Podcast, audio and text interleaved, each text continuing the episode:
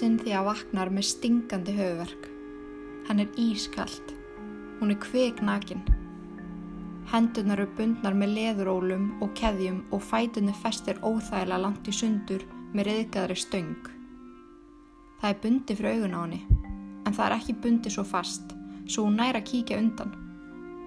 Hún sér að hún er í litlu kvítu herbergi. Vegginnir eru þaktir kynlífstækjum, risastórun dildóðum, leðursvipum og pískum í öllum stærðum og gerðum og flugbeittum læknabúnaði, nýfum og spröytum. Það sprettur fram ískaldu sviti þegar hún tekur eftir því að það eru myndavelar í öllum hornum herbyggisins að taka hann upp. Í því heyr hún kassettitæki smelt og hljóðið á plætakkanum varð óbærlega hátt. Ljúf kallmannsröll byrjar að tala og lýsaði fyrir henni hvað var í gangi og hvað var að fara að gerast.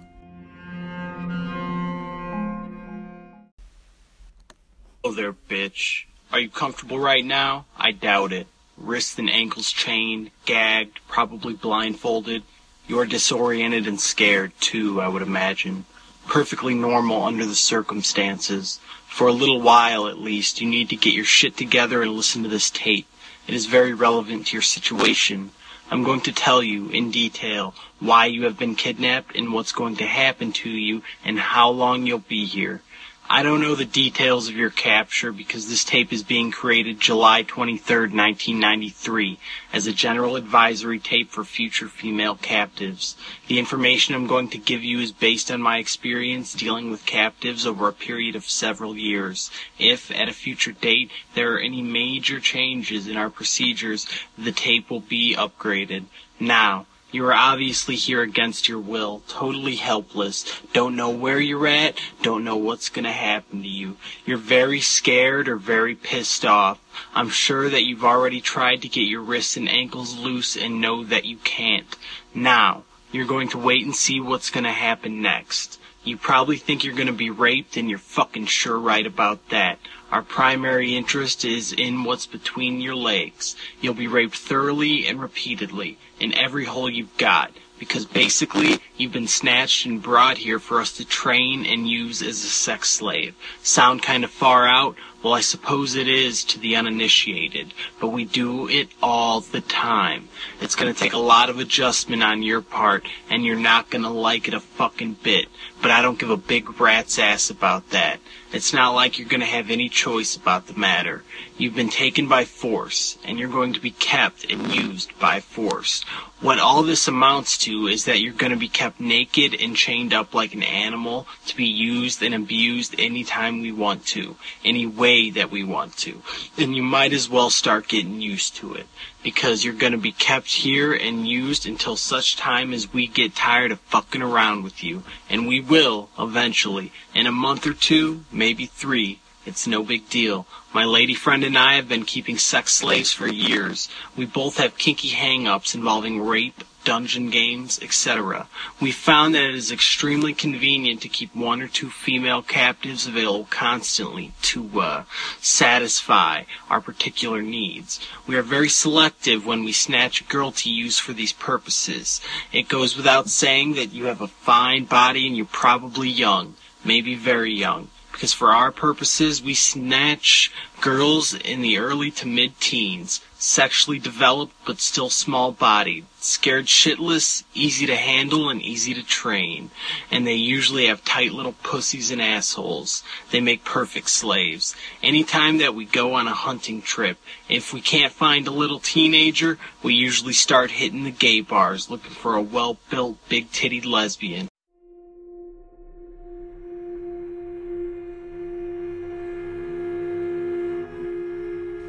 Rennur upp fyrir Cynthíu að hún væri aldrei að fara að sleppa í burtu lifandi.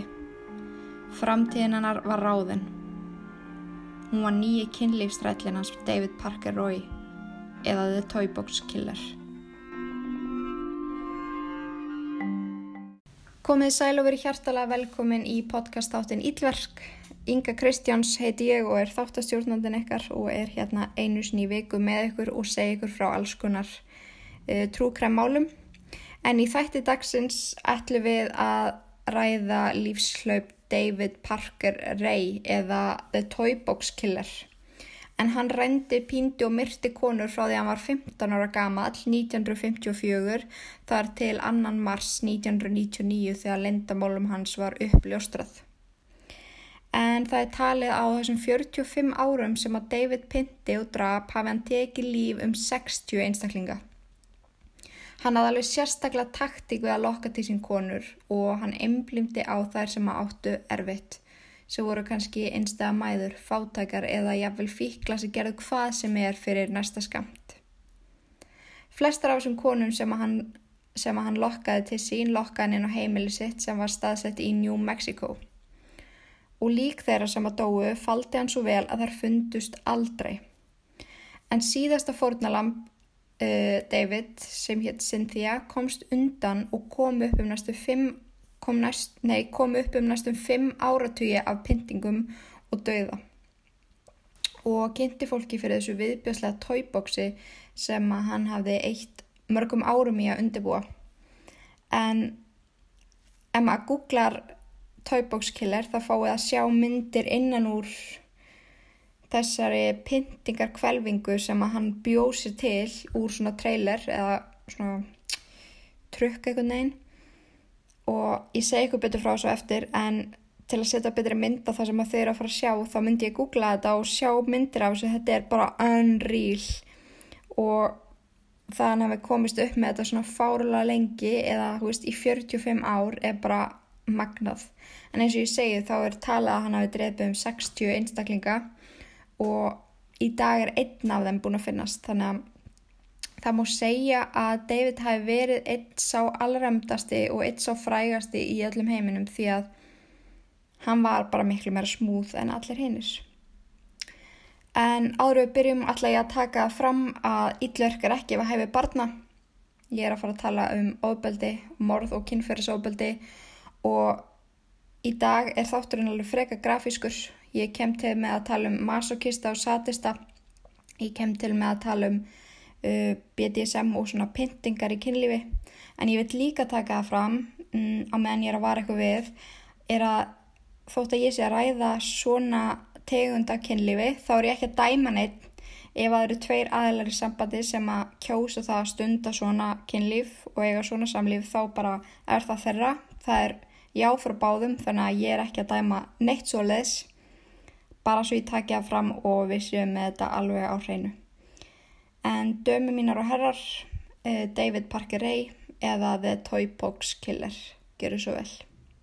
David Parker Ray var fættur þann 7. november 1939 í Belen, New Mexico. Fóldra hans voru þau Cecil og Nettie Ray. Fjölskyttan hans var virkilega fátök og þurfti því að búa hjá fóreldrum móðu David lit, á litlum búgarði þar sem David ólst upp á samt sýstu sinni Peggy.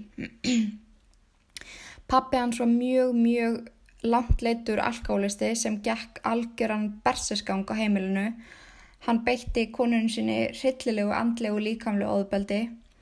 Hann helst ekki í neittni vinnu og hann kvarfstundum af heimilinu vikum saman í leit afstörfum sem að borguðu svart bara svo hann geti retta sér svona paycheck from paycheck bara svona fyrir hot.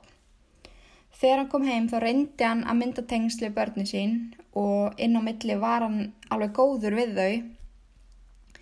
En hann taldi svon sinn þurfa góða karl ímynd svo hann myndi ekki alast upp nei svo hann myndi alast upp sem alveg karlmaður því hann taldi sjálf þess að vera alveg karlmann. En sambandið þeirra var mjög fljótt ótrúlega svona sikk og skrítið en hann síndi sinni sínum hardcore klám í fyrsta skipti þar sem að bendingar og sársöki var í aðalhutverki. En, en hérna, hann síndi sinni sínum þetta og sá hann frá því hversu skemmtilegt svona kynli væri og hvað hann finnist glata hvað mammans tæki ekki lengur þátt í þessu meðanum og ég veit ekki hvort hann var bara með svona rosalega lága greindavísutölu en hann held bara þarna að hann væri að bonda við, svon sinn en í rauninni var hann bara, bara skadana eilífu. Og við, við skulum taka fram að David var þarna hann var undir 10 ára. Ég er ekki með 100% um, aldur á hann en hann var undir 10 ári, ég held hann að vera 8 ára. En þessar myndir sem að pappan síndunum fóru aldrei úr hugarheiminum hans og hún fóru að dreyma nær daglega um að framkvama eitthvað svona svona gjörning eitt daginn og það vest að þetta líka var að það var engin fullorinn einstaklingur í lífinan sem gæti hjálpa honum á einhvern hátt. Veist, það var engin sem að var að kenna honum á lífið á heilbæranhátt og leiðbeina honum í gegnum munin á rétt og raungu til dæmis. En mammans var lungu orðin bara böguð og búin á því af bara hegðuninni hjá manninu sínum og þarna um þennan tíma undir tíura aldri Davids þá fluttist hún til sýstusnar og það var alveg klukkutíma í burtu frá sveitabílunu sem þau, voru, sem þau bjögall á. En það er ekki til mikið af upplýsingum um mömman sem það er talið þarna og hann, David talar um það setna meir að hún hafi átt við um, áfengis og fíknefnavanda stríða eftir hún fluttist til sýsturnar sem var í hérna nýstlu. Þannig að enn og aftur þá fekk Davíð bara enga ást og umbyggju og var á allan hátt bara vannrægt lítið barn.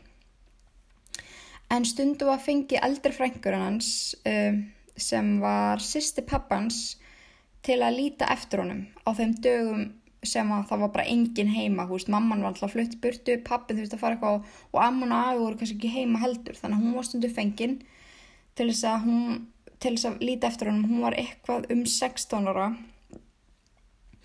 En maður hefði svona vonast til að hún hefði komið inn og verið kannski svona uppbyggjandi móður ímyndi að allavega hann er góð við hann. En hún, hann gata ekki á neitt hátt liti á hann sem nokkuð skonar bara fyrirmyndið að neitt svo leiðist þar sem að hún fóð mjög snemma að misnótan kynferðslega en hún var það sem kallast masokisti þegar að koma kynlífi og hún bað David, David oft um að sinna henni kynfyrirslega með því að pína hana með alls konar tólum og tækjum sem að hún fann til. En hann var misnotaður og þvingar af frængusinni í mörg ár til að stunda kynlíf og meiða hana fyrir, fyrir hennar eigin unnað. En þar sem ég er að fara að tala ótrúlega mikið um masokista og satista, að við potið all heyrt þessi orð, kannski ekki endilega tengt þau saman, en bara svo ég skilgreini bara mjög grófulega hvað það er, þá er masokisti hérna eða byrjum á satista um, en satisti er sérst aðili sem fær una frá því að hérna una frá sarsöka annara og masokisti er í rauninni hérna anstaðan sem fær unað út frá eigin sarsöka þetta er bara í mjög stuttum máli. Það er náttúrulega miklu betri lýsing fyrir sem bara svo þið skiljið masokisti satisti en masokistar einmitt tekja oft sársöka frá öðrum því að þeir eru að forðast sársöku fullar aðstæður í eigin lífi og vilja fá að njóta í núinu og einbæta sér 100% af auknableikinu á meðan það er verið að pinta það. Og eins og til dæmis Frankans, hún átti mjög erfitt andlega, það var ekki til neitt peningur og hún hefði hlotið svipað uppeldi á David og hún sem svona rosalega ung kona þurfti að taka þarna við báðum börnum sýstusinnar sem var henni bara örglaði megn. Þannig að í staðin fyrir að leita hjálpar þá byrgir hún þetta allt inni, allar ágjörnar og tekur það svo út á David í svona, já, sem masokisti. Og hann sem ungbarn var bara brenglaðri með hverjum deginu sem leið. Misnótaðar frængusinni og brútal klámi sem að pappans hafi bara svona ítt upp á hann. Og í rauninni þá var þetta svolítið það sem að skemmti hans hugmynd um kynlíf bara af eilifu veist, og frá og með þessu tengdi hann sársöka og unað alltaf saman. Það var bara alltaf, veist, það var ekkert að gera annarkort, þetta var alltaf saman. Og það er líka bara því húnum var kent að það væri eðlilegt. En þegar David var tíu ára gammal var hann hérna, og sýstur hans sem hétt bæði við Peggy þau voru sendt til að búa hjá ömmu þeirra á afa. Um, sem sagt, ömmu svona afa í hérna du, du, du, sem að Jésús, þess að fóreldra pappans þau voru sendt ánga og þau misnótu krakkana ekki hérna líkamlega en, en það má segja að þau hafi verið misnótu andlega og alveg virkilega vanrægt þannig að þau voru ekki að koma inn í eitthvað loving umhverfi en ammans leta alveg 100% ljó, í ljós að hún nefndi null að hafa hann og sýstur hans hangandi yfir sér. Hún yrti ekki mikið á þau nema að hún þurfti að skamma þau eða kenna þeim ykkur skona leksju og David fór því að eigða ótrúlega miklu tíma bara einn eitthvað röltandi um sveitabilið tímunni saman. En einn daginn þá kom hann auga á reysastóra ruslahauga þar sem að tauir bilara bíla og alls konar vila hefði verið hendt saman í eitt stórun haug og bæði vegi að heyra orðið russlahaugur, ég fæ svo mikið flashback. Ég held að í dag séu ekki, eða það týðkist ekki lengar að séu svona russlahaugar en eins og í sveitinu þar sem ég olst upp í, þar var svona russlahaugur þar sem að gæti farið bara og leikið sér í alls konar, bara fullt af bílarhægjum og, og er, það var, þetta var ekki svona russlahaugar þar sem þú fórst með pappa og þetta var bara russlahaugar þar sem þú fórst að hendi gömlum vélum og þvóttavélum og. Þetta er svolítið eins og að væri tekið alla gámana í burtu og sorpu. En þetta var svo mikið vestla þegar maður var lítill þetta var bara svona ævintýra heiminn bara fyllt af bílum og stundu voru bátar og eitthvað, ég fekk svo mikið flashback því að ég held að það sé búið að taka allt svona umferð. En já en hann kom með mitt auga á sér rauðslahauga og fóra að eigða dögunum sínum í að dutta í öllum þessum vélum sem voru aðna í gamlum bílum taka allar í sundur, setja aftur saman. Og hann náði ofta að koma vélum sem að hafðu kannski ekki gengið í mörg ár og ástæðan fyrir að bílnum hefði verið bara hendaðna var út af vélum að byluð en hann náði kannski bara að gera við það og það er freka gott fyrir um tíara barn og hann náði að laga nánast allt sem hann fekk í hendunar sama hvaða var. Og hann fór sjálfur að tekna upp alls konar vélar og mótora og uppfinningar og smíða svo sjálfur. Og hann var bara alveg þvílíkt hæfileikaríkur þegar að koma svona málum og hann hefði strax sem úlingur geta byrjað að vinna við eitthvað svona og byggtu bara flottan feril, hann hefði geta búið sér til eigi vextaði þessana. En í staðin þá voru þessar sjóku tilfinningar sem hann reyði ekki við til staðar og tóku yfir. Og þegar maður verður úlingur þá er útrúlega eðlilegt að kynkvöldin, þú veist, kannski taki svolítið yfir og það er ótrúlega eðlert fyrir unga stráka bara að upplifa drauma og þrár og alls konar eitthvað svo leiðis og finna bara einmitt út sína kynneið og alls konar. En draumanir hans David voru allt öðruvísi en hjá jafnöldrum hans. Veist, hann notaði sköpuna gáni sína og hæfileika í að teikna upp tæki til að kvelja konur. Tæki sem að myndu festa konu niður og algjörlega gefa honum fulla stjórn yfir þeim. Það var það sem hann dreymdum. Hann hannaði alls konar pyntingatól og tæki og þá hlakkaði í honum að hugsa hvernig hann ætlaði að nota þetta á konur. Hann segi frá því að fyrsti kynferðislegi satista draumurinn hans hafi átt sér stað þegar hann var tíu ára gammal. Hann hafi sérst verið að horfa seiðandi augum, eða svona laungunar augum á skólasýstu sína í fyrirminótum og hann ímyndaði sér hvernig að væri að binda hann upp og misnóta hann að kynferðislega með brotinni glerflösku. Þú veist, ha? Þannig að þetta er svo ótrúlega sérstakt að ímynda sér líka svona specific akkur með brotinni gleflösku þú veist. En hann framkvæmdi þennan draum sem betur fyrir ekki en hann skrifaði og það hjá sér hérna, skrifaði þetta hjá sér í dagbók sem hann hjælt út og með tímanum auðvitað draumandi bara verri og verri og grófari og grófari Þángu til þetta var orðið þannig að hann gati ekki hort fram hann í kvenkins einstakling án þess að ímynda sér að hvernig væri að misnúta hann á pinta.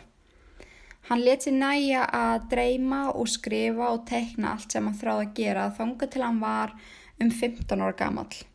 Þá fór hann að finna fyrir þannig þrá að hann vissi bara að ef hann myndi ekki gera eitthvað í þessu þá myndi hann bara urlast. Hann fann bara eitthvað brenna og bara krauma inn í sér og hann yrði að láta undan þessum löngurum. Og þarna fór hann full on í leit af fórnalambi. Hann vissi heldur ekkit hvað hann var að leita hvernig stelpum hann var að leita. Hann alltaf bara var eins og ellug strákur, fannst bara sæta stelpur sætar og, og það var kannski svolítið það sem hann var að leita af. En hann fattaði það svolítið að það var ekkit gengi að því að húka bara upp einhverju sæta stelpu vel klætt að setja stelpu því að þær voru yfirleitt svona pínu high class eða þannig. Þannig að hann fór að hugsa, þú veist, hvernig get ég nálgast stelpur sem eru vulnerable, sem að eiga kannski engan, sem að eiga enga peninga, sem að sækjast í hjálp. Þannig að hann fer þarna einmitt að leita í, í konur sem að eiga erfitt. En 1956 þá fann hann sitt fyrsta fórnalamp og, og já, svo ég takja líka fram að eina sem er vitað um þetta í dag, þetta er náttúrulega gamalt mál og það eina sem vitað er um gjörðirnar hans og þessa vittnesku er bara það sem hann skrifa sjálfur en hann held út svona dagbók eða svona trakkar fyrir það sem hann gerði og hvað hann gerði við hvern einstakling og hvenar hann gerði það og klukkan hvað Það eina sem hann skrifaði ekki niður voru nöfnin á fornalömpunum en hann tekur það sjálfur fram og húnum að fundist það veist, óþarfi. Því að fyrir húnum skipti ekki máli hvað konuna hétu en hann vildi samt muna eftir atbyrðunum sjálfum í smáadröfum svo hann geti endur upplifa spennuna og lostan sem að gæti þá einmitt, þú veist uh, gefa hennu lengri tíma í næsta fórnalam þannig að hann gæti nota þessa vittnesku til þess að fá kynferðslegan unað. En fyrir honum þá voru þessar konur bara hlutir. Hann þurfti ekki að muna nöfnin á þeim. Og í bókinni reyta hann þær líka frá einu við þrem. Ef þær voru einn voru þær mjög aðlandi ef það voru tveir þá voru þær semi-aðlandi og ef það voru þrýr þá voru þær ljótar eða óaðlandi og hann reytaði þar svona bara eitthvað fórnalamp þetta. Ég gerði þetta, þetta, þetta klukkan þetta og hér og hún var frýr, hún var ljóti og aðlandi veist, þannig talaði hann um fórnalampi sinn. En fyrsta fersla dagbókarinnar á sér stað 1955 og staðsendingin var uppið trí eitthvað starf á landaregn ömman svo afa. Um, stelpa var skólasistræns og var á samaldri og þau stunduðu kynlíf sem var virtist þarna á hljómar eins og þetta hefði verið samþygt af báðum aðalum og kynlýsegu stundu vor, var mjög gróft og það átt að líti út fyrir að vera nöðgun hann var gerandin og hún þólandin og hann segi frá því að hún hefði elskað þetta og marg beðan um að endur taka leikin, þú veist, maður veit ekkert hvað er satt en hann hann að batt fætunar á henni uppið tré, strekti það alveg í sikkur áttina og var svolítið að vinna með miklar brútal bindingar og alls konar svona teina og, og klemmur og svo leiðis. En árið setna þá rændi hann 16 ára stelpu sem honum fannst mjög sætt og áttum okkur líka á því að hann er 16 ára aðna. Hann er 16 ára gamall en hann fer með hann að lengst upp í fjall eða mjög svona erfiða göngulegði sem var ekki mikið farin á meðan það var svona rosalega heitt úti. Hann ytti þar með henni heilli helgi inn í ykkurum helli sem að hann kom svo til með að nota alveg hellingi viðbót en hann batt hann að fasta, fætunar í sundur og leik sér aðinni einmitt bara í tvo heila daga.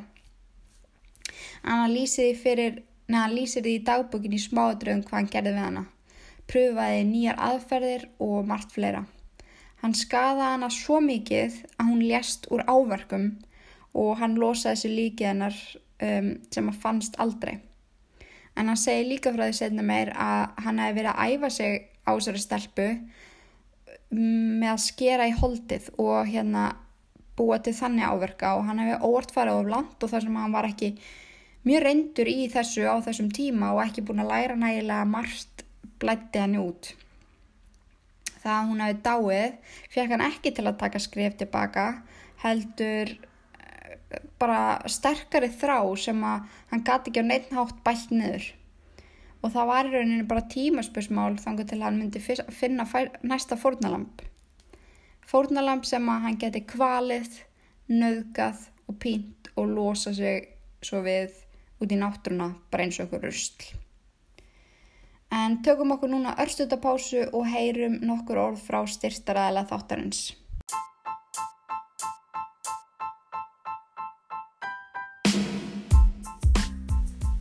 Er á æfingaföti þín orðin upplituð og gödótt? Ertu ekki að meika hvað æfingaböksuna þín að rúla alltaf neður þegar þú ert á æfingu? Eða ertu jáfnvel í 15 ára gamlum kvennalöpsból frá mömmuðinni? Mm, þetta eru vandamál sem á kippa í lið 1, 2 og bingo. Farðin á brandsson.is skoða úrvalið að bæði herra og dömu æfingaklæðinaði.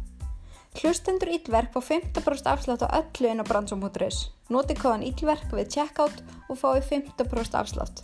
Ég endur tek ILL VAFERK við checkout fyrir 15% afslátt. Brandsson.is Nokkru mánuðum eftir fyrsta morðið uh, voru Da- David og systir hans sendið tilbaka til fóreldrans, nei til fóreldra pappans, er eitthvað rauglast. Síðast voru þau hjá ömmu sinna afa og núna eru þau hjá hinnu ömmu sinna afa, whatever. En það gengu, já þar gengu þau í nýjan skóla en afið þeirra hafi útveðað þeim vespu sem að þau kerðu alla mótna í skólan og skólasískinni David lýsa honum sem vandræðalegum þöglum og frekar skrýtnum strák á meðan sýstir hans Peggy var bara svona frekar eðlileg. En David róðunaði heftalega ef að stelpur töluðu við hann og fljótlega eftir hann byrjaði skólanum fóru bekkjafélagar hans að stríða honum alveg heftalega. Þið íttu hann á milli sín í fríminútum, lömdu hann og stól, stálu mótuhjólunu og kerðu því eins hratt og þeir gátu og hann í hólur og upp á kanta til að reyna að skemma það. Ói, ángurins, ói. En hann þorði ekki að segja neitt, heldur stóð hann bara að horfði á. Og það, hann var alltaf þannig típa, hann sagði aldrei neitt, hann stóð bara og bara, mm, já, ég drillaði bara yfir mig. En, og veist, út af því hvernig hann gaf sig út frá því að vera, þá heldu allir að hann væri bara minnlaus aumingi og enginn vissi og grunaði hvað viðbjóðslegu hugsanir fóru í gegnum hugans og hvað, hvað hann hafði líka bara nú þegar gert. Þú veist, þeir voru að messa við bara morðingja sem var bara búin að vera að drepa. Veist, þetta er svo fucked up. En 17 ára gamall var hann komin, með, var hann komin alveg full force í að sinna sínu fantasíum. Þú veist, hann var alveg hættur að reyna að draga eitthvað úr þessu eða eh, stoppa sjálfa sig. Þú veist, hann var bara full on og ætlaði bara að lifa to the fullest. En dagarnar hans fóru í það að búa til sín eigin tól og tæki, skrifa upp hugmyndir og drauma og síðan finna sér ný fórnalömb. Pyntaðu eins lengi og eins mikið á honum listi, pröfa nýjar aðferðir og drepa, þær svo og losa sig við þær. Þetta var orðið svo ótrúlega einfalt eitthvað. En hann fann sér fullkominn stað til þess að losa sig við líkin. Staðurinn var það góður að nánast ekkert lík hefur fundist enn í dag. Mér finnst það svo magnað, ég segi þetta örgulega 20 sinni með þettinum, en veist, allir þessi gaurar sem ég er búin að tala um í þessum þáttum, það finnst yfirleitt all, öll, hérna, öll líkin, en þetta er bara svo mikið mistri eitthvað.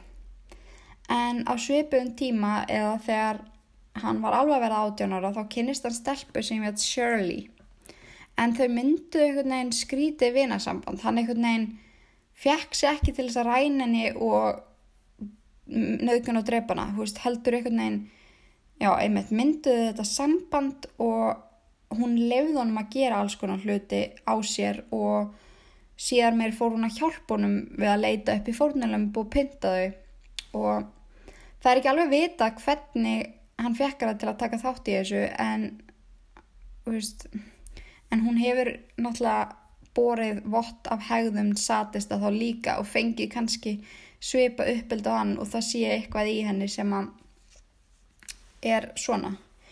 En starfið hennar í þessu öllu saman var að lokka konunnar um, bara, veist, það var þannig að þú treysti fyrir eitthvað konu heldur en manni þegar það var verið að bjóða þið fara og svoleiðis en hann, hún hérna sá um það að vingastu þar og fá þar heim með sér og síðan afhendi hún David stelpunar en þau voru ennþá að vinna með hann helli þarna upp í gunguleginni en þegar þau voru orðin reyndar í þessu þá fór Shirley að bjóða stelpun bara beint inn í hellin sem þau voru að vinna með. Þú veist, hún var ekkert eitthvað hei fyrir heim og fór svo okkur á krókuleið heldur þau voru bara, heyrðu, ég veit um helli hann er smá í burtu en við getum haft það ógislega næst þannig að við getum fengið okkur eins mikið dópi og við viljum og skemmt okkur alveg í friði langt fram á nótt.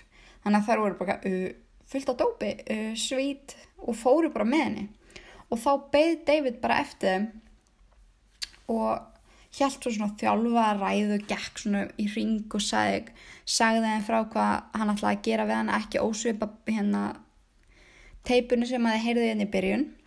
Það er svona þjálfuð ræða og og sen hófust á handa en þarna voru bara tveir hróttala skemmtir einstaklingar saman í liði en já, þetta bara blandan gæti ekki verið verri Þau voru orðin svo reyndi að ræna konum að ákverðunin var stundu tekin bara samdægus og þetta gekk einhvern veginn alltaf upp hjá þeim.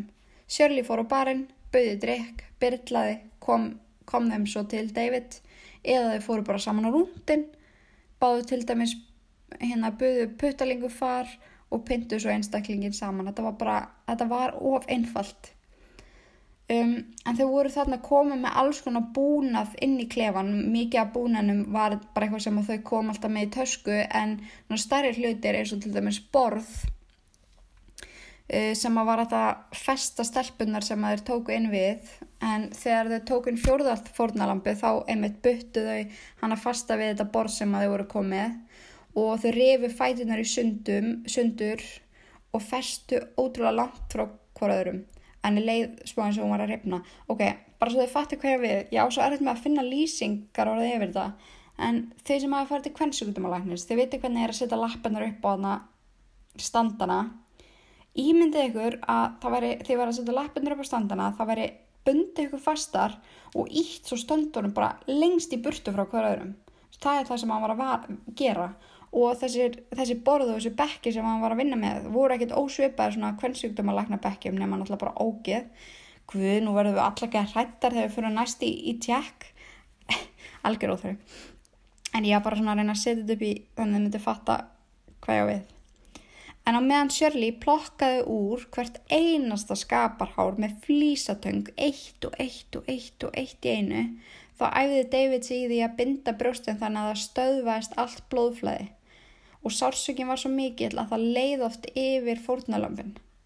En 17 ára gammal David var þarna orðin raðnöðgari og raðmorðingi. En 1959 þá útskrifast David úr mentarskóla og hann þurfti náttúrulega að fá sér vinnu og hann þurfti náttúrulega að byggja sér upp ykkur á framtíð en hún langaði mest af öllu að starfa sem bifiljaverki og það var ekki mikið um góðar vinnur að fá í bænum þar sem hann bjóð með ömmu sinna afa svo hann fluttist til Albuquerque og fekk þar mjög góða vinnu á vextaði. Loksins gata notast við náðagáðuna sína á uppbyggjandi hátt sem að færði honum líka tekjur. En hann var gríðalega einmanna veist, eftir að vera búin að vennjast því svolítið að vera með Shirley dæljega og eiga svona smá partnerin kræm. Þá eitt hann eða öllum kvöldunum sínum bara á pöpunum í bænum en þrátt fyrir sjúku þrána sem var stanslöst að kvísla á honum þá þráði hann einstinni eiga góða konu, fá ást og umhyggju og bara faðmlag. Og hann bara saknaði Shirley alveg ótrúlega mikið og saknaði þess að partnerinn græm og hann fór þarna svona, hann ágóð þarna að fara að deyta og reyna að finna sér bara einhverja konu og, og ég er ekki frá því að það hefur smá kikkað inn eðlileg hugsun hjá hann þarna, veist, hann, það væri kannski eitthvað annað sem að beða hans í lífinum En hann fór þarna á stefnumót með fullt af konum, kynntist alveg helling af konum en það var ein uh, 17 ára stelpa sem hefur bæðið og aldrei verið nafngreind. Það er mjög mikið af einstaklingum í þessu máli ekki nafngreindir en þau smullu bara við fyrstu sín og hann varð alveg yfir sér hefun af henni og hún af honum. Og það er ekki vita hvort að hún hafi vitað af öllum þessum dimmur lindamálum David og að hann væri þessi rað og, nög, rað og hérna morðingi og naukari sem hann var. En ef hún vissi það þá var hann í greinlega bara alveg sama. En nokkur mánuðum eftir að þau kynntust þá giftaði sig. Og það líða tvær vikur eftir giftingu þar til að hann fær vinnu í hernum sem, sem velvirki og nettist til þess að ferðast ótrúlega mikið út á vinnunni. Og síðan þurfti hann að fara til kóru og vera svolítið tíma þar í burtu frá henni. Og fjárvera reyndist hefði náttúrulega bara báðum erfitt fyrir en varði voru hugsanir hugsaninnar farnar að laumast á hann aftur. Og á þessum tíma skrifa hann ekkit í dagbúkina en það er talað hann hafi haldið áfram að ræna konum, pintaður og nauka í kóru.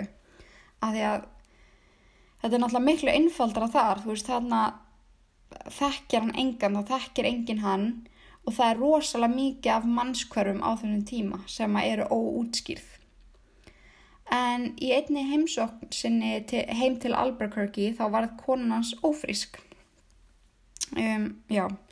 Og hún tilkynnt honum það þannig og 1960 þá eignuðustu strák sem að þau skýrðu David Elvin Ray.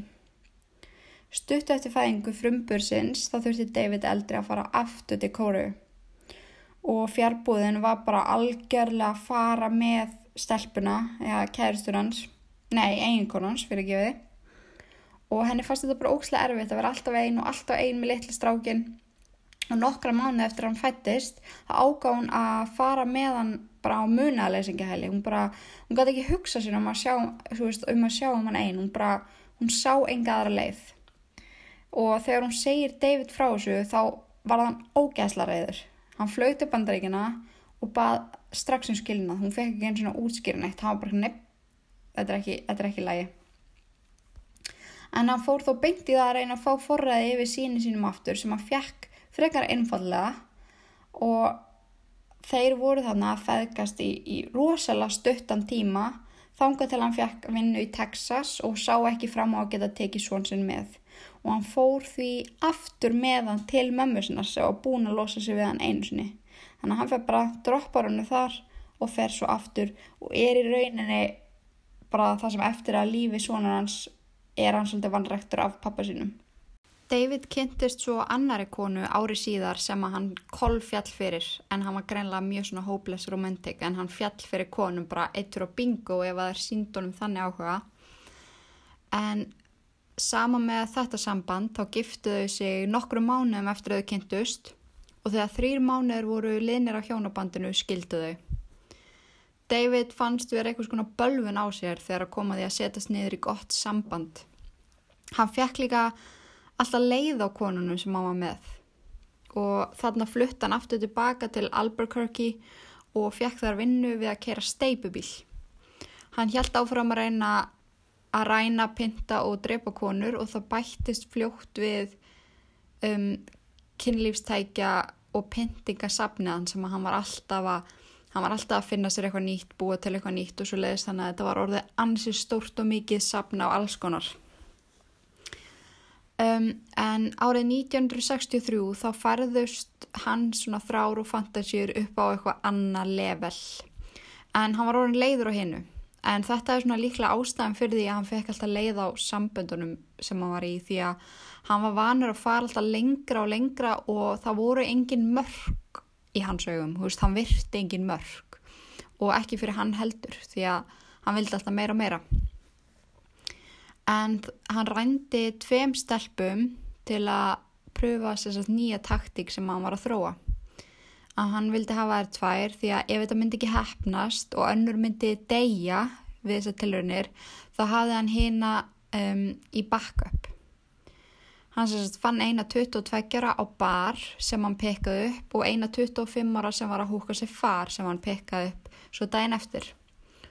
Og hann fór með þær í um kílometra fjarlæg frá Albuquerque þar sem var alveg rosalega mikil óbyggð og langar slettur, gjótur og gróður, þetta var bara svona eðmörkað þannig sem að hann þekkti ótrúlega vel. Og þar gerði hann sína fyrstu tilraun í að gefa rafmagsjokk og í því fólkstaðan tók klemmur sem að líta svolítið út og svona rafmagskapall sem er með í bílnum ef, að, ef hann verður rafmagslaus og hann klemdi þær utanum brjóstin á förnalömbunum og kvekti og stilti ekki alveg í botn en mjög hátt á hérna svona ramags styrk.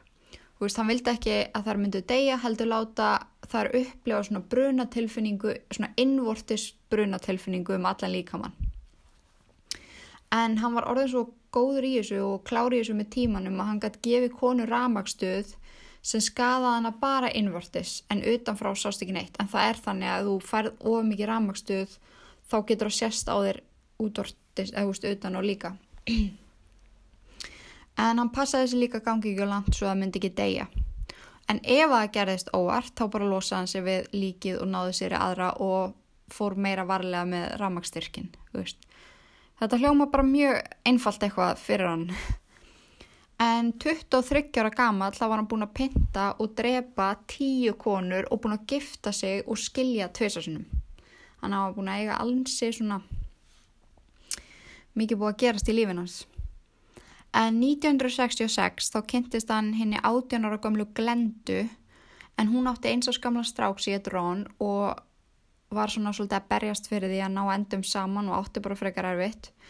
Og þarna sá hún hennan hávaksna myndalega mann sem gæti hjálpað henni með strákin og hann sá þess að ungu konu sem átti erfitt. Þannig að þetta var svolítið bara match made in heaven veist, þau voru nákvæmlega sem að hvort annað var að leita af. Og smullu því bara ansi fljótt og eins og alltaf þá gifti, giftist hann henni tvei mánum eftir að þau kynntust en 1906 Nei, 1976 minna en ári eftir brúðkaup þá egnuðust þau sitt fyrsta barn saman sem þau skýrðu Glenda Jean Ray. En í nokkra mánuði átti David ótrúlega vennilegt fjölskyldulíf, bara fyrsta sinn á æfinni og það snýrist um að sjá um fjölskylduna sína fjárastlega og alveg bönni sín á samt Glendu. Og það leiði ekki lengu þar til að hann fór að fá leiðaði. Hún fannst þetta kæfandi og yfirþyrmandi og og einhvern veginn að vita til þess að þetta væri framtíðin, hann bara gæti ekki hugsa sér að vera fastur í þessu.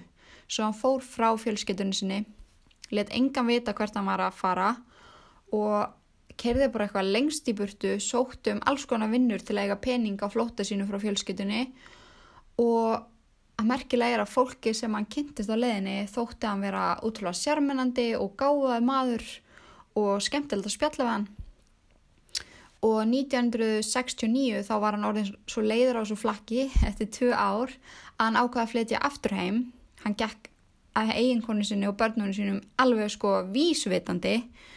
Og Glenda tekur við honum aftur bara án þess að hika og hann flyttur aftur heim.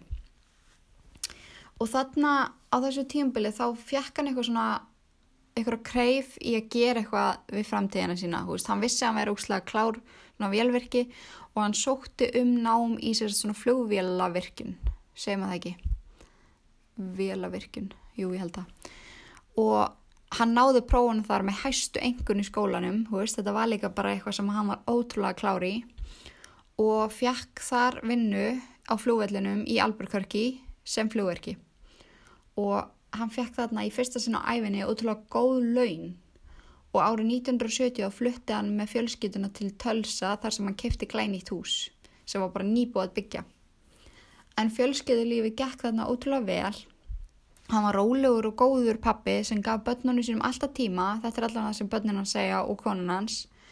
En engum grunaði að í skjólinætur leitaði hann upp í fórnalömp sem hann leik sér að að pinta.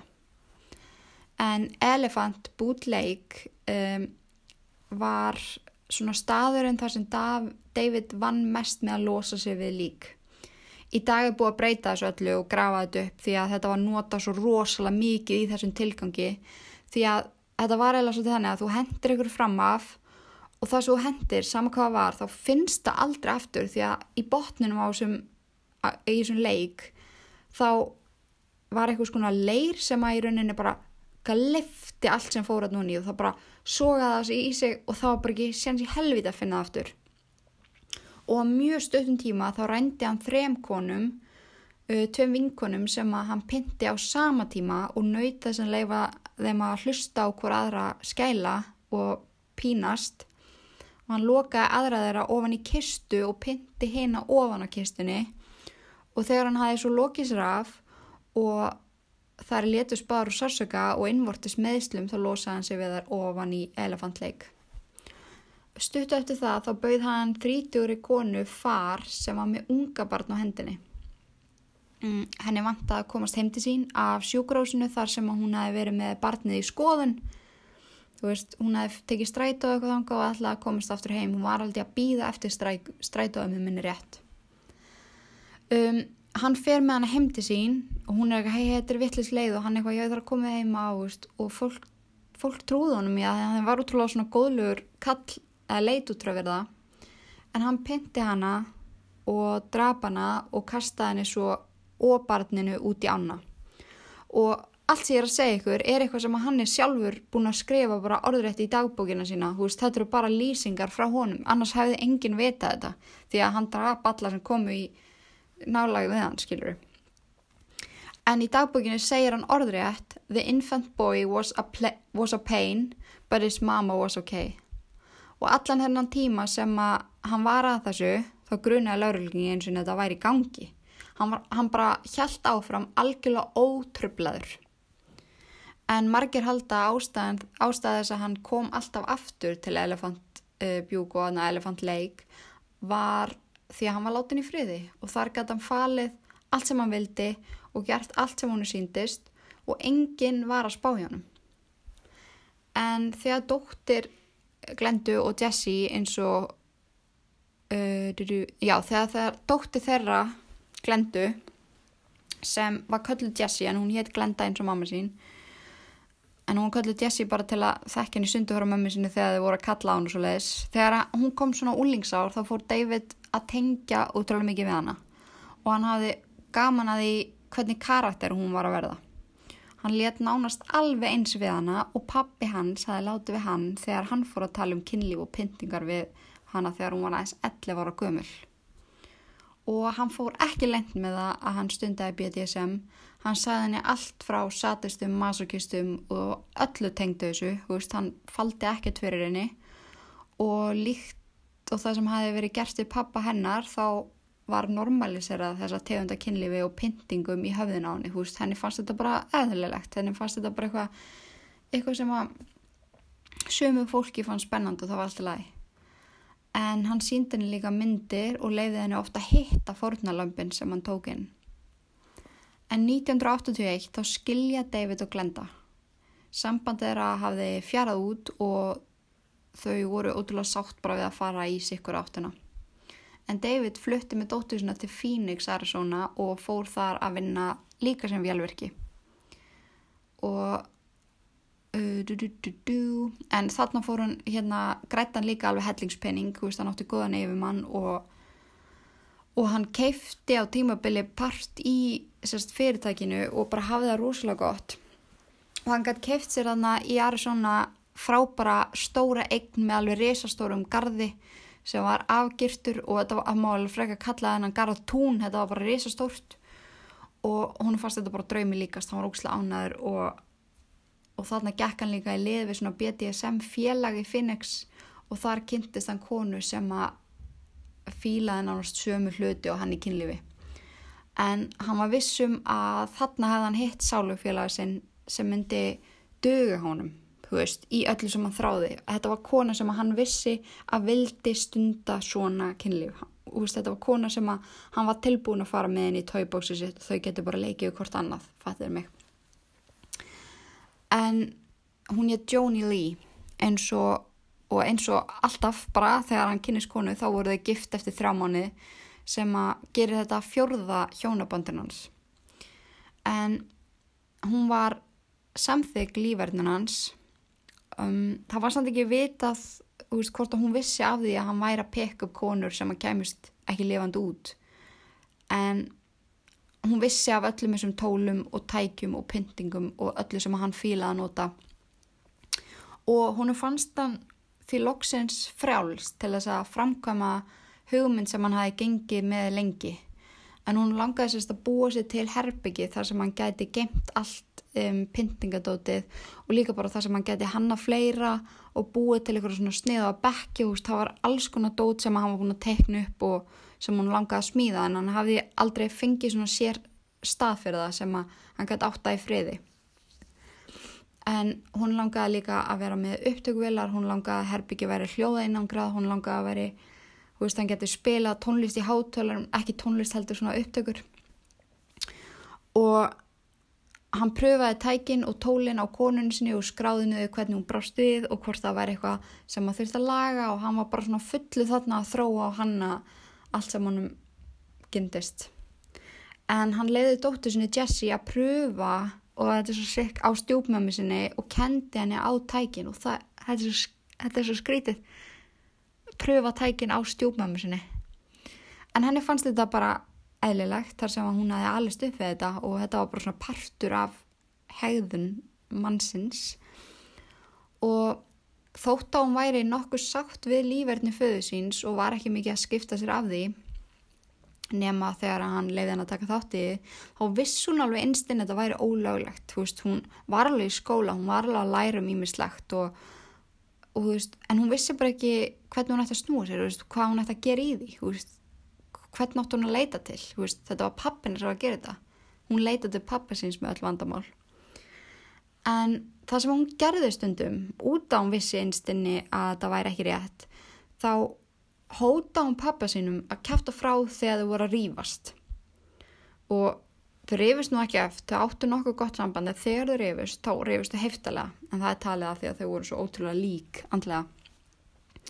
En þegar hún var 19 ára þá reyfst hún svo heftalega við pappa sinn hún var svo ógislega reyðut í hann að hún ringdi í FBI og sagði frá öllu sem hún vissi. Hún sagði bara já hann nota svona tæki og tól hann er bara með sér herbyggi hann pikkar upp konur, hann drepur hann losa sig við þar, hann misnotar og ég fæ að sjá það hú stjúpmamma mín fara að sjá það og hann er búin að vera þessi mörg ár og lalala og hún kom bara algjörlega upp öll lendamál pappa síns. Og hennar markmið þarna var að koma um fangilsi og þegar sálfræðingar fóru að analæsera þetta þá var það ekki endilega til að bjarga einhverjum sem ættu eftir að lendi honum heldur var þetta bara til að hefna sín. Og veist hún gæti ekki nefnt neina öfnafórnulömpum svo FBI þurfti svolítið bara að trúa því sem hún var að segja og þetta voru náttúrulega sjokkerandi upplýsingar og yfirlýsingar og þeir áttu ótrúlega bátt með að trúa þegar stelpa myndi ljúa svona upp á pappasinn og það var þarna hrind af stað stóri leit sem að skilaði nákvæmlega engum árangri. David, nei, David var yfirherður og ótrúlegt hann sagt, þá var hann alveg bara svo tilbúin til að tala.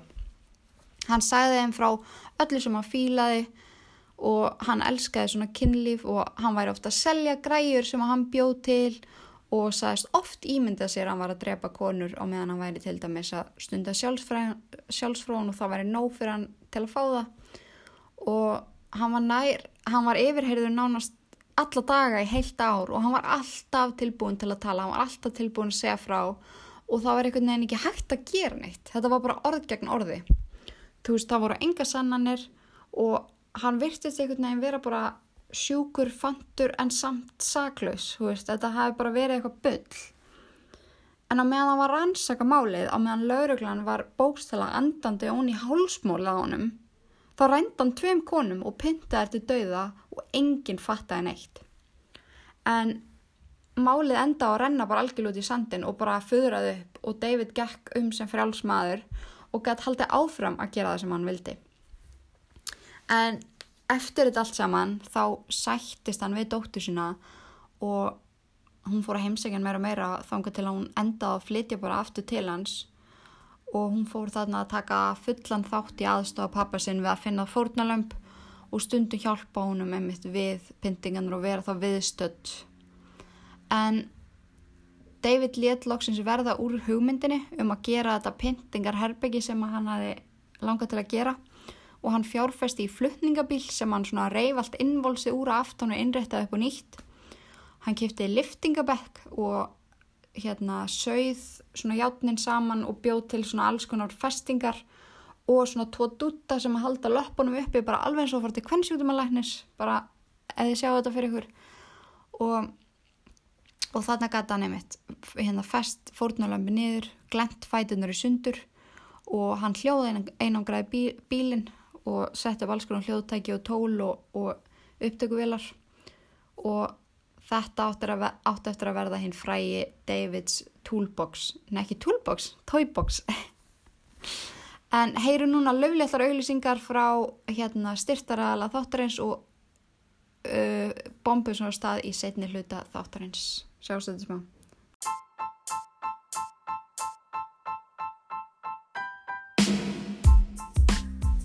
Vissir þú að rannsóknir sína að 80% hvenna ganga í vittlurössi stærð af brjósturaldra? Lindex býður upp á fría mælingu og fælega ráðgjöf við að finna rétt snið og rétta stærð fyrir þig. Puss-up, spangalus, silki eða blunda, í Lindex finnur þú þinn eina rétta. Kíktu við í næstu verslun og nýttu þér þessa fráböru þjónustu. Lindex. We make fashion feel good. Velkomin tilbaka. En árið 1993 þá útbjóð David staðlað upptöku af sjálfur sér þar sem að hann bauð fórnalömpin velkomin í leikfangaherbygjans. En það er upptakan sem að þið heyrðu hérna fyrst í þættunum. En þar leta hann vita hvað hann ætlaði að gera og hvað hann hlakkaði til að horfa þar engjast um. Þarna fann hann líka upp nýtæki eins og til dæmis pelvis stretcher sem átti að líkjast, eh, sem átti sérst að búa til sársöka sem líktist því að eigna sparn. Uh, nipple screws þar sem hann skrúaði bolta fasta við gerfurtunar og hengdi svo lóð þar til að gerfurtunar þóldi ekki meira. Öklaólar sem voru þakkt af litlum nálum og fleira spennandi dót sem hann skrifaði um í dagbókina sína. Hvenar sem hann, hvenar sem hann pröfaði þetta og hvernig það, já þar sem hann skrifaði sérst í dagbókina sína hvernig þetta gekk og hvenar hann pröfaði þetta og á hvernig hann pröfaði þetta og svo leiðis. En 1994 þá skilur hann við konuna sína en hann segir frá því að hún hafi verið útrúlega góð, hún hafi skilið þetta líf og gefa honum alveg grænt, grænt á það en hún hafi aldrei leift honum að leika við sig. Hún hafi verið ótrúlega afbreyðsum út í hérna korunar svo hún fannst þetta ekki ganga, veist. En spáði hvað hann er að setja þetta í fyrsta seti á undan öllu öðru í lífinu sínum. Hún flutti einn til Pennsylvania og hann hjælt heimilinu sínu sem hann hafið hann nýlega keift í Arizona. En hann fekk síðan vinnu í umferðar eftirleitinu þar sem að hann sá um skóa og svona public svæði. Ég man ekki hvað þetta heitir en þetta er svona bara einhvern veginn vörður, gardvörður. Nei, ég veit það ekki. Þetta var bara, þetta er ekki laurugli þjóttn heldur, þetta er svona eitthvað svona Ég, sé, ég er svo mikið að reyna að finna orðið muni eftir teknumyndan að Jóki Björn sem var svona að sjá um svona svæði. Oh, núna er einhver heima að reyna að garga á mig hvað þetta heitir en ég man það ekki, hann allan að fekk svona þetta er svona, hann var að vinna hjá ríkinu við að passa upp á alls konar svona svæði fekk svona uniform þannig að hann var í búning og hann svona leit út eins og bara official starfsmæður sem að gerðan í rauninni ennþá hættilegri af því að engin grunnar að maður vinnandi fyrir ríkið geri einhverju megin Þannig að konur sem að voru að húka sér far treyst honum alveg fullkonlega þegar hann stoppaði hjá þeim og hann sá líka einnum ákveðin svæði þar sem að það var ekkert mál fyrir hann að losa sig við líka því að það var engin annar ásug svæði. En þarna fór hann líka að bæta við kunnóttuna sína í læknisfræði og hún langaði svo að geta haldi konun lifandi eins lengi og mögulegt var án þess að gefa þeim að borða og drekka. Þannig að hann kefti sér alls konar nálar og skæri og nýfa og svona næringar, eða svona næringapoka og fleira. Og svo bjóð hann til boks þar sem hann gætt geimt fórnalömpin í á meðan hann gerði eitthvað annað og líka til að búa til ennþá meiri óta fyrir þá. Og hann var orðin svo mikill mestar í þessu að þetta gekk allt tvílíkt smurt. Ég, að, að, húst, fyrir honum er þetta bara eins og þegar við erum að æfa okkur gítar eða eitthvað. Þú veist við verðum alltaf betra og betra og betri skiljið. Svo bara skilur við gítarinn eftir og fara að gera eitthvað annað. Veist, þetta er ekkert mikið öðruvísi fyrir honum. En 25. júli 1996 þá ringi dóttir hans í hann og segir honum að hún hafi fundið nýjan leikfélag fyrir hann. David skellir í sig við Jagra svo hann geti ennst eins lengi og mögulegt er þar sem að aldrun var aðeins svona segja til sín og Holdreis var ekki til staðar eins lengi og hann vildi. Og hann var útrúlega spenntur að fá nýtt fórnalamp og sérstarlega þegar hann fekk svona surprise fórnalamp sem að, nei, sem að dóttir hans valdi. Og hann fór út í taubóks og byrjaði að undirbúa, hann fann til all tækin sem hún langaði að nota og strauk svona af bekknum og gerði allt tilbúið, setti kassettun í tækið og, og spólaði tilbaka og þánga til að hérna og setti svo bara inn og beigði eftir nýja fórnalambinu sinu. En hinn 23 ára gamla Kelly var út að borða með vinkonu sinu og það er manneskjan sem að um, ég lýsi fyrir ykkur fyrst í þættinum. Af því að þetta er svolítið manneskjan sem að breytir öllu í þessu máli. En já, hún var að borða með vinkonu sinum og hún var svona sem ég að flýja heimann þar sem að hún og maðurinn hennar höfðu verið að rýfast alveg frekar mikið en hún var sérst bara að taka huga sinn af þessu, hún var svo leið og saði vinkonu sinu frá því að kynlíf væri nánast ómöðulegt fyrir hana því að það væri bara svo ótrúlega sársökufullt og hún skildi ekki af hverju en maðurinn hennar held sérst að þetta væri einhver afsökuna því hún væri að fá útræðs annar staðar sem að hún var svo alls ekki að gera. Hún, hún, hún hafði ekki hugmyndu hérna, um af hverju það var svona vondastund á kynlíf. En hún ætlaði svo bara að keira heim, hún drakka ekkert þetta kvöld en svo fór það þannig að aðilinn sem átti bílinn sem hún ætlaði að keira hafi farið án þess að láta vita. Þannig að hún settist bara aftur og tók því rólega. Og eina vinkonum hennar, Jessie Ray bauðist til að keira hana heim svo að Kelly fekk sér bjór og hjælt bara áfram að spjallaði vinkonum sinnar og um miðnætti gengu þær vinkonur Kelly og Jessie út og kerðu heimalið Kelly tók eftir því að Jessie var að fara vittlösa leið en Jessie sagði hún ætlaði bara koma heima að sækja sér kaffi því hún var alveg að sopna. Kelly spáði ekkert meiri í því og þegar það er lendu fyrir utan fór hún með henni inn, setti þessi sófan á meðan Jessie fór henni í eldus. Hún var ekkert að spáði að þetta væri eitthvað skrítið. En þá kemur David hlaupandi að Kelly með beittan hníf í hendinni. Hann segir henni að hún sé hans egn núna. Jessie kemur hundál, bindur utan með hálsinóni og teimir hann inn í tóibóksið. Welcome to the Satan's Den stóð, stóð stórun stöðum á vegnum. Kelly trublaðist úr hæðslu. Öll þessi tæki út um alla veggi og svo bekkurinn þar sem hún var bundin först.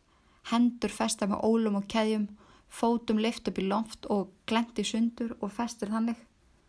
David skar af henni öll fötin með nýpnum og fór svo út og kveikti á upptökunni og kveikti svo síðan nefnum að kveikti á upptökuvélunum og kveikti svo á kasautinni þar sem að hann les allt sem er að fara að gerast fyrir hana. Kelly var algjörlega traumatæst og dagarnir eftir á voru í algjöru blöru hjá henni. Sársökin var óbærlegur og það sem stóði upp og var þegar David reynda að tróða risavaksnum dild og inn í hana sem hefnaðist aldrei. Það var svo sárt að það leiðnaðstuði yfir hana aftur og aftur. Venjulegt kynlíf var sártur hana, hvað og þetta? Kelly vissi ekki þarna en það sem hún þjáðist af hétt tilted júdrus en leiðið henni snýri aftur og bakk og þetta er eitthvað sem gerist alveg vissum að konur. Og þetta lýsir sér þannig að þetta snýr aftur og bakk leiðið og tegist ekki eins og eðlilegt leg. Svo að þegar ykkur, eitthvað er sett inn þá gefur húðin ekkit eftir og þessi sársöki er bara að því að þú er bara þrýst ykkur upp við eitthvað sem er algjörlega sem gefur ekki neitt eftir. Og að því að hann gati ekki sett neitt inn í hana það komst ekki neitt nema halva leið þá, þá var það nú slapurraður og hún fannst hann verða að koma tækjunum fyrir inn í henni því annars var ekkit gagn í þessu. En sama hvað hann reyndi að koma fyrir veist, hvort það var lítið, stórt, mjótt, oddkvöst og hefnaðist ekki. Og endanum þá gafst hann upp og sótti livjakoktel sem hann átti inn í livjaskáp og sprautaði í hana. Og eftir nokkra sekundur þá leið hún algjörlega út af. Hann kom henni fyrir út í bíl, klætti sig upp í vinnubúningin og kerði hana heim til tengdafóldra sinna. Þar sem að maðurinn hennar var að deyja úr áhugjum. Hann bankar hjá þeim og segist hafa fundið hana út úr dópað, dópaða vappandum Hún hafi talað um kynlíf alla leiðina og reynd að stunda við hann munvög á leiðinni. Þau urðu svo reyða hana að þau nöytu henni um að fá að koma inn og trúðu ekki orði af því sem hún saði dagan eftir á. En hún sagðist ekki muna hvað þau komið fyrir og þau bara, þau keiftuði ekki á neitt nátt. Kelly þjáðist af hræðilegum martruðum eftir þetta. Það sem hún dreyndi hún var í förstu bekk og það sem væri verið að kveljan og sársökjum var svo raunverulegur og hún gætt fundið hann þótt hún væri ekki á staðinum. En hún vissi ekki hvort þetta hefði gæst í alvegni eða hvort þetta væri bara hræðilega martræður. Hún var bara algjörlega ruggluður í minu. Kelly saði heldur aldrei lögreglunum frá þessu því að hún vissi að ef hún gæti ekki treyst á sín einn orð og sitt eigin minni þá myndi engin annar gera það. En Kelly var fyrsta fórnalapi sem vitar af sem að livði af þetta torture. Árið 1997 þá hittir David Cindy Hendy sem átti eftir að verða hans partner in crime. En David, Jesse og Cindy hengu saman nánast öll kvöld, reyktu græs, drukku áfengi og töluðum um kynlíf. Allt mjög eðlettu það að tala um þetta við kærustu pappaðins og pappaðin. En nokkrum dögum eftir að hann kynist Cindy sínir hann henni tóibóksið sem að henni fannst ómótstæðilegt. Henni fannst þetta bara amazing. Mjög fljóðlega eftir að þau kynntust þá flytur hún inn til hans. Um, eitt kvöldið þá fóru þau saman á djammið og hittu þar vinkonu sína sem hétt Angelika. Hún sagði þeim frá því að kæristan hennar ætti ammál á morgun, hún ætlaði að baka fyrir hann köku og David er bara, heyrðu, ég, það er til heima fullt af ónótuðu betti krokkar sem ég ætlaði að nota í ykkur að veistlu og svo notaði ég ekki þannig að þú mót alveg eiga þetta bara, annars eðilegst þetta inn í skáp. Og hún var bara, já, sweet, vá, það er geggjað. Og þau bara, já, getur ekki bara komið og sótt þetta og kotti bara með okkur núna, við fyrirum að fara heim. Og hún ákvað þannig bara að fá far með þeim og rúla með þeim að sækja mixi og kíkja kannski inn í kaffi. Og bara fyrsta skrefið sem hún steigði inn í húsið hjá David og Cindy þá tekar hún upp nýf hjælt hann upp í hálsun á henni og segi við henni segi við henni að hún sé hans eign núna Fyrst þá held hún að hann var að grínast og var bara góður, góður. Hann var ógeðsla reyður þegar hún fór að hlæja og kýld hana eins fast og hann mögulega gati magan. Þá vissi hún að hann var ekki að grínast. Cindy og David hjálpuðust við að taka hann úr fötunum og fóru með hann inn í svefnarbyggi og festu hann að þar við rúmið. Þar yttuðu næstu tveim dögum í að pinta hana til skiptis. Um, spiliðu kassutuna aftur og aftur af David David lýsaði hvað þeim langaði að gera við hana og þriða degi fannst þeim tímiti komin að fara með hana út í tóibóksið. Þar var hún hlekkið við bekkin í þrjá daga og þarna var hún farin að missa alla von um að komast af. Hún greip til örþrifar á það og segði við David að hún var búin að vera að njóta þessara tíma þeirra saman. Hún hafði aldrei upplegað annan eins unað og hvort að hann geti endur tekið sumt sem hann hefði gert hann var náttúrulega pínu svona uh, hæ en þetta hafi verið bara svo ánægileg upplifum fyrir hana að hún myndi aldrei kæfta frá þessu af því að henni langaði svo að koma aftur. Hún vildi ekki eiðalega það tækifæri. Það einhvern veginn var ekki mikið erfiðar en þetta að spila á David en hann, hann ákvaði að sleppinni og, og bara já þú eru að komast heim baka fyrir manniðin og Cindy var ekki neitt nátt samála hún var bara skilur ekki að píjan er að ljúa þú veist, við getum ekki treyst henni. David var algjörlega ákveðin í þessu og saman þá smúluði hana að innan og sem utan, klættu hann upp, keirði hann út á þjóðveg og skildi hann eftir þar. Angelika um, sagt, fekk far hjá lauruglumanni sem keirði fram hjá henni og hún var allir mjög miklu upp, uppnámi og sagði henni, sagði henni frá öllu sem er gæst og hann var bara eitthvað Já, já, en hún var náttúrulega rosalega svona livjuð eftir hérna lefin sem að hann var að spröyta í hana allan hennan tíma og, og þannig að hún virtist bara að vera á dópi og þetta væri bara eitthvað byll í henni. Þannig að hann trúði henn ekki og hún fór þannig heim í þeirri trúum að það erði aldrei neitt gert í hennamáli. En 20. mars 1999 þá fór David og Cynthia rúndinn í leita nýju fórtanambi og þau fundu unga konu sem hétt ken, hérna Candy. Nei ég kalla hana bara Behill ég er ekki alveg viss með fórnamni en þau hlekkju hana við rúmið eins og þau gerst við Angeliku kvöldu hana dögum saman þar til að þau töldu hana tilbúin að fara, til að fara í tóibóksið þar sem David spilaði upptökuna fyrir hana og gaf henni rafstuð í hvert einasta skipti sem hún reyði sig Hún bað Guð um að leifa sér að deyja eins fljótt og hægt er eða þá að fá að sleppa frá svona syllingi. 23. mars þá fór David út í búð að kaupa tæki sem hann aðeins panta sér. Nei, út á postus að ná í tæki sem hann aðeins keift sér.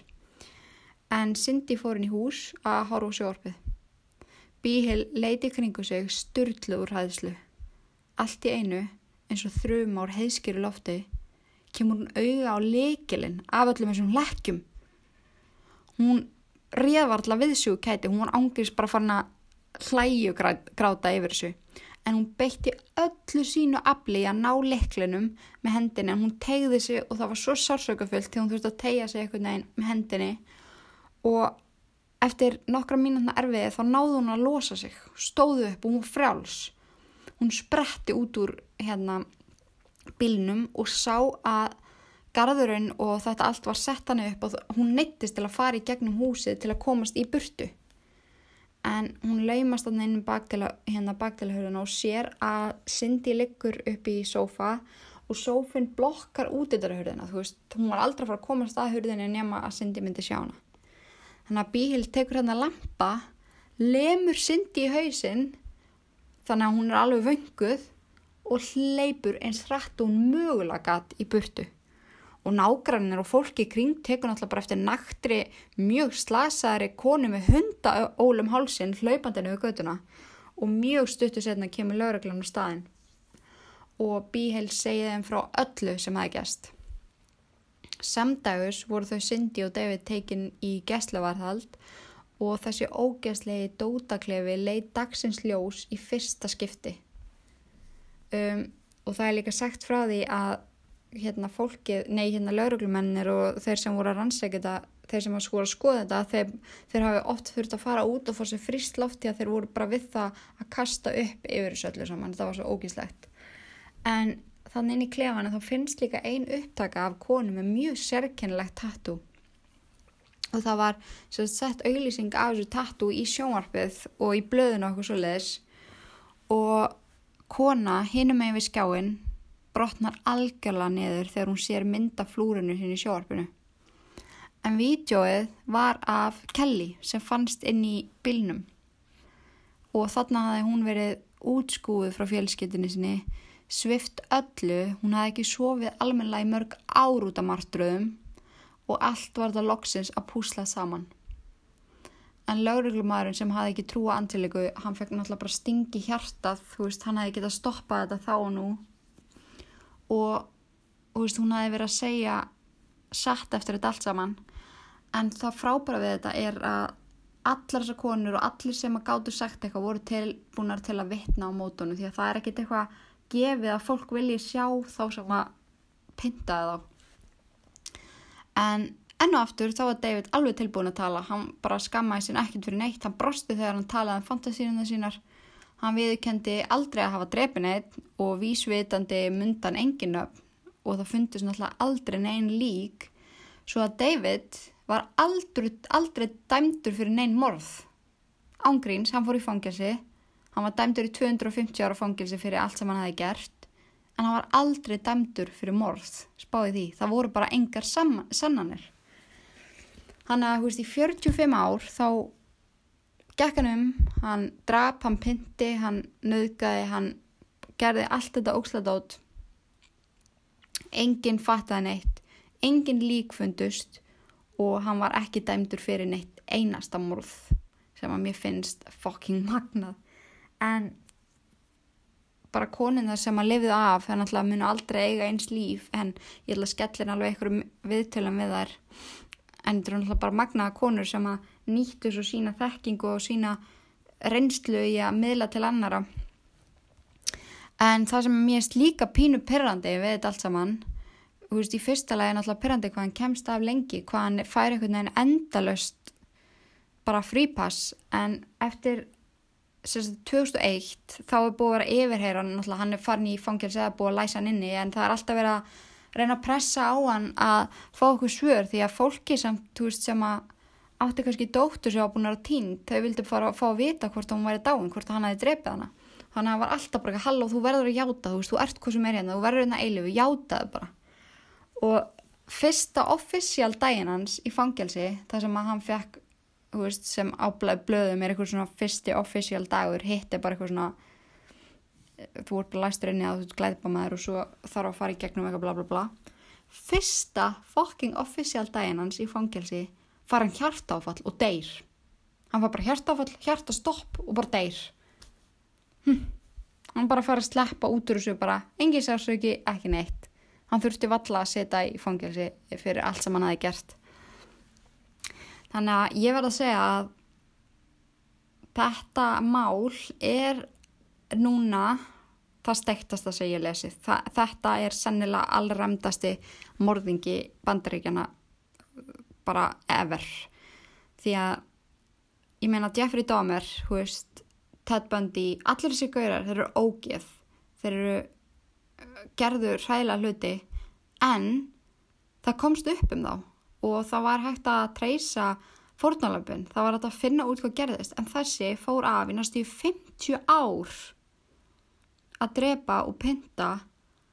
Og það var ekki eins og niður, þú veist, það var ekki grunað að þetta væri hann fyrir eftir svona 43 ár og þá var hann búin að vera, þú veist, leifa dóttið svona að taka þátt í þessu, þá var hann búin að vera, hann var bara, allt hans líf fór í það að pynta aðra og fá hamingi út úr því.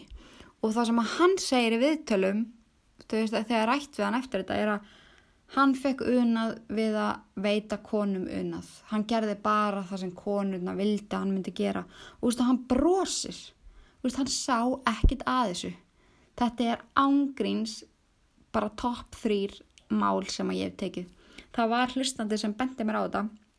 Ég hafði ekki, uh, ég hafði heyrt um þetta ekki það mikið. Ég var búin að ruggla svo ótrúlega lengi við málið þannig að Boy in the Box sem er alltaf mjög ólíkt mál en ég einhvern veginn bara box, toy box, bla bla bla.